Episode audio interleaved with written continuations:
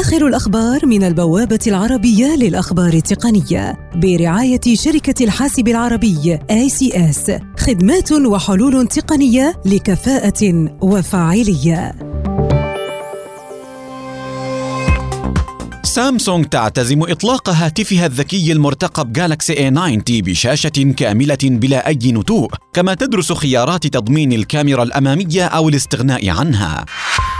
تسريبات تؤكد أن أبل ستدعم في الجيل القادم من هواتف آيفون مشاركة الطاقة اللاسلكية مما يتيح شحن أجهزتها الأخرى لاسلكيا حسب تأكيد سلسلة التوريد الخاصة بالشركة.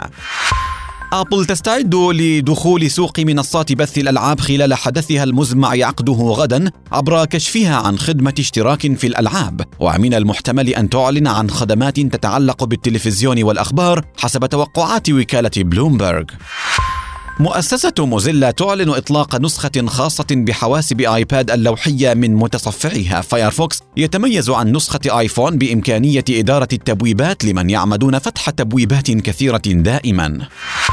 محكمة فانكوفر في كندا تكشف عدم ميل المديرة المالية لشركة هواوي وابنة مؤسسها مينغ وانغو لاستخدام منتجات الشركة إذ وجد بحوزتها مجموعة أجهزة من منتجات شركة أبل.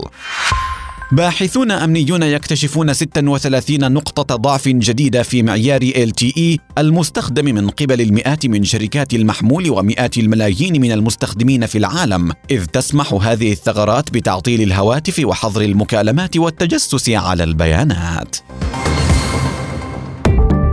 آخر الأخبار من البوابة العربية للأخبار التقنية برعاية شركة الحاسب العربي ACS خدمات وحلول تقنية لكفاءة وفاعلية.